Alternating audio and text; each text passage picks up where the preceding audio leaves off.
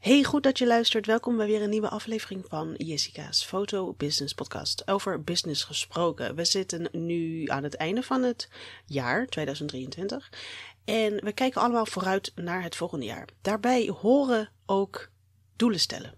Daar heb ik het ook wel eens eerder over gehad, maar ik merk dat er met name het, op het gebied van de financiële doelen stellen nog wel eens vraagtekens zijn met hoe dan. Ik durf het niet, want hoe in godsnaam weet ik wat een realistisch financieel doel is? Daar ga ik je in deze podcastaflevering mee helpen. Want hoe zet je nu realistische financiële doelen voor in dit geval het volgende jaar 2024? Ik wil als allereerste je melden dat het goed is om te beginnen met kijken naar wat jij voorgaand jaar of voorgaande jaren hebt omgezet. Natuurlijk is dit anders wanneer jij dit jaar voor het eerst bijvoorbeeld fulltime gaat ondernemen. Of jij hebt uh, dusdanig veel veranderingen in je bedrijf dat jij dit jaar niet kan vergelijken met voorgaande jaren. Maar mocht je dat nou wel kunnen doen, kijk dan wat jij de voorgaande jaren hebt omgezet, zodat je weet wat in ieder geval haalbaar is op dat gebied. Hè, dat is de kennis die je al hebt, dus waarom zou je er niet gebruik van maken? Dit is eigenlijk een hele simpele eerste tip, maar wel een hele logische, omdat je toen al een basis hebt opgezet waarvanuit je nu weer verder kunt. De volgende tip om jouw realistische financiële doel voor volgend jaar vast te stellen is, ja, in mijn ogen ook een hele logische, maar ga het maar eens echt even goed doen. Zorg dat je je kosten helder hebt. En dan heb ik het over zowel privé als zakelijk. Wat gaat er elke maand uit? En dan denk je, ja, maar moet ik dat dan helemaal? Ja, dat moet je helemaal gaan fixen. Waarom ook privé? Privé is gewoon, ik bedoel, je werkt om uh, je dingen te betalen. Je hebt natuurlijk zakelijke kosten, maar je hebt ook privékosten. En net zo goed die privékosten, hè, je hebt salaris nodig om die privékosten te kunnen betalen. Waarschijnlijk heb je al een soort van lijstje voor je privé. Mocht die nou niet uitgebreid genoeg zijn, mocht die niet in de detail kloppen. Ik wil dat elke kosten is opgeschreven. En natuurlijk snap ik dat je niet exact weet hoeveel je per maand gaat uitgeven aan boodschappen. Hè? Het is een gekke tijd, I know. Maar je hebt wel een gemiddelde, want je leeft al wat langer dan vandaag. Dus je kunt wel een gemiddelde pakken om daarvan uit te gaan. Dus ik wil dat je al je privékosten op een rijtje zet. Heb je dat wel eens gedaan voorheen, maar heb je het een paar jaar laten liggen? Pak het er weer bij. Ga het even na. Zeker nu is het heel belangrijk dat je weet wat al die prijsverhogingen betekenen voor wat er binnen moet komen. Maar naast jouw privékosten die je natuurlijk helder moet hebben, wil ik ook dat je zakelijk gaat kijken. Wat gaat er per maand uit, per jaar en dan, en dan gedeeld door 12. Wat gaat er per maand uit dat ik dus wel binnen moet krijgen om die kosten te dekken?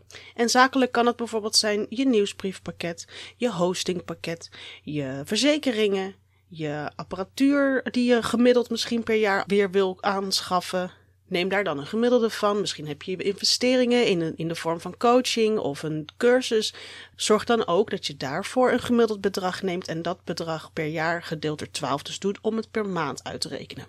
Wanneer je al die kosten, dus zowel privé als zakelijk, helder hebt, zorg er dan voor dat je dit bij elkaar optelt en weet wat er dus nodig is om in ieder geval op nul uit te komen.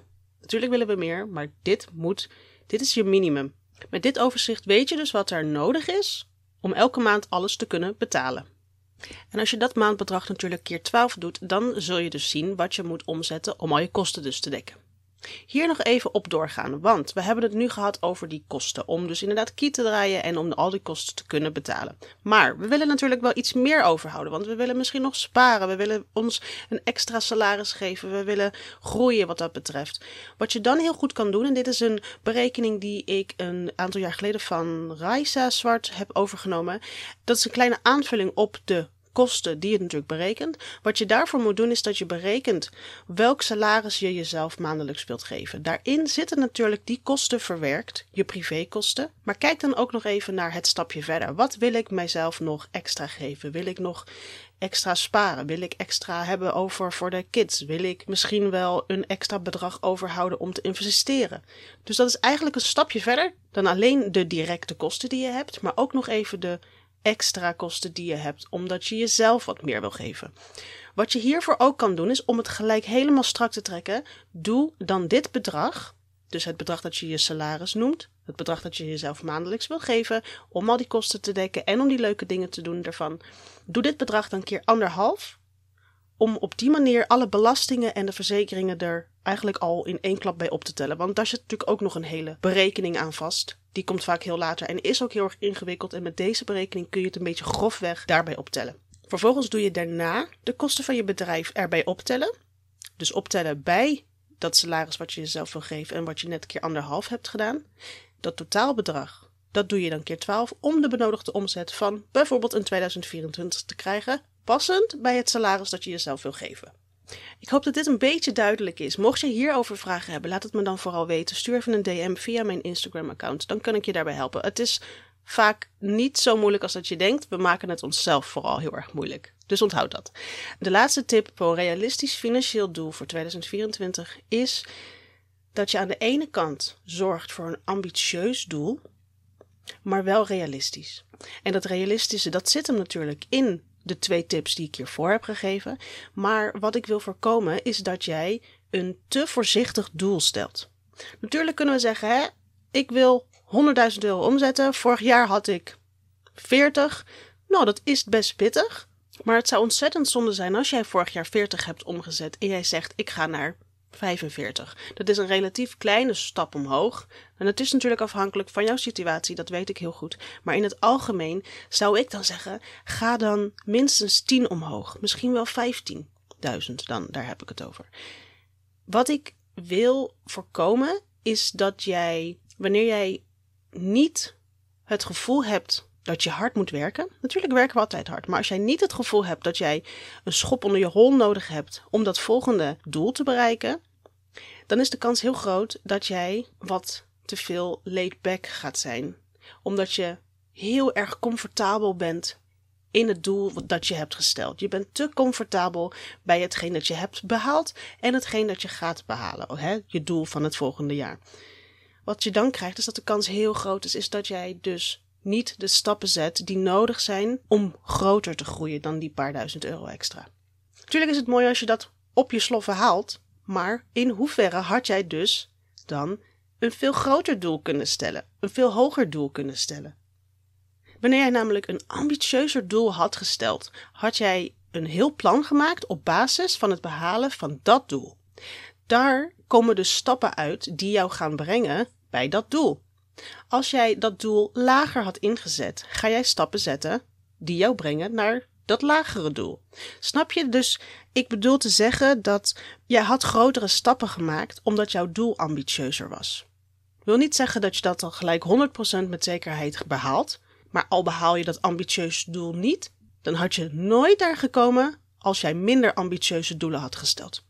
Het gaat niet om het dat doel behalen. Dat is, natuurlijk het einddoel. Dat zou heel mooi zijn. Maar het is vooral de weg die je daarnaar uitzet, die jij daar brengt. En die zet je uit op basis van dat doel. Snap je waar ik een beetje naartoe wil? En daarom is het heel belangrijk dat jouw doel wel ambitieus is. En het realistische, want daar vragen mensen zich dan altijd af: maar wat is realistisch? Realistisch zeggen we vaak dat als ik het niet haal, is het niet realistisch. En daar ben ik het dus niet mee eens. Ik wil dat je dus juist een ambitieus doel stelt, op basis van de realistische inzichten die jij hebt verkregen met behulp van deze tips. Maar ik wil wel dat je een ambitieus tikje eraan geeft.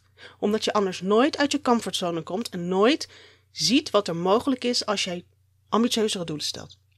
Dit waren mijn tips om jou te helpen naar een realistisch financieel doel voor 2024. Laat mij weten wanneer je dit nog steeds lastig vindt en ik je misschien kan helpen. Want je kan altijd mijn DM'tje sturen via Instagram. Maar ga hier lekker mee aan de slag. Doe het vooral nu in de periode dat je nog niet bent begonnen aan 2024. Want dan loop je achter de feiten aan en dat is zonde. Dus pak het er nu wel bij en laat me vooral weten wanneer je het hebt gefixt. Mocht je dus vragen hebben, laat het me vooral weten. En als jij nog twee minuutjes over hebt, dan zou ik het ontzettend tof vinden als je mij kan helpen aan een review over deze podcast via de Spotify-app of via de Apple Podcast-app. Je zou mij daarmee ontzettend helpen met het verspreiden van deze podcast onder nog veel meer beginnende en ervaren fotografen, zodat we samen die fotografenwereld weer een hele leuke boost kunnen geven. Wanneer je nog ideeën hebt voor onderwerpen voor deze podcast, dan hoor ik het natuurlijk ook heel graag en anders zie ik je de volgende keer weer.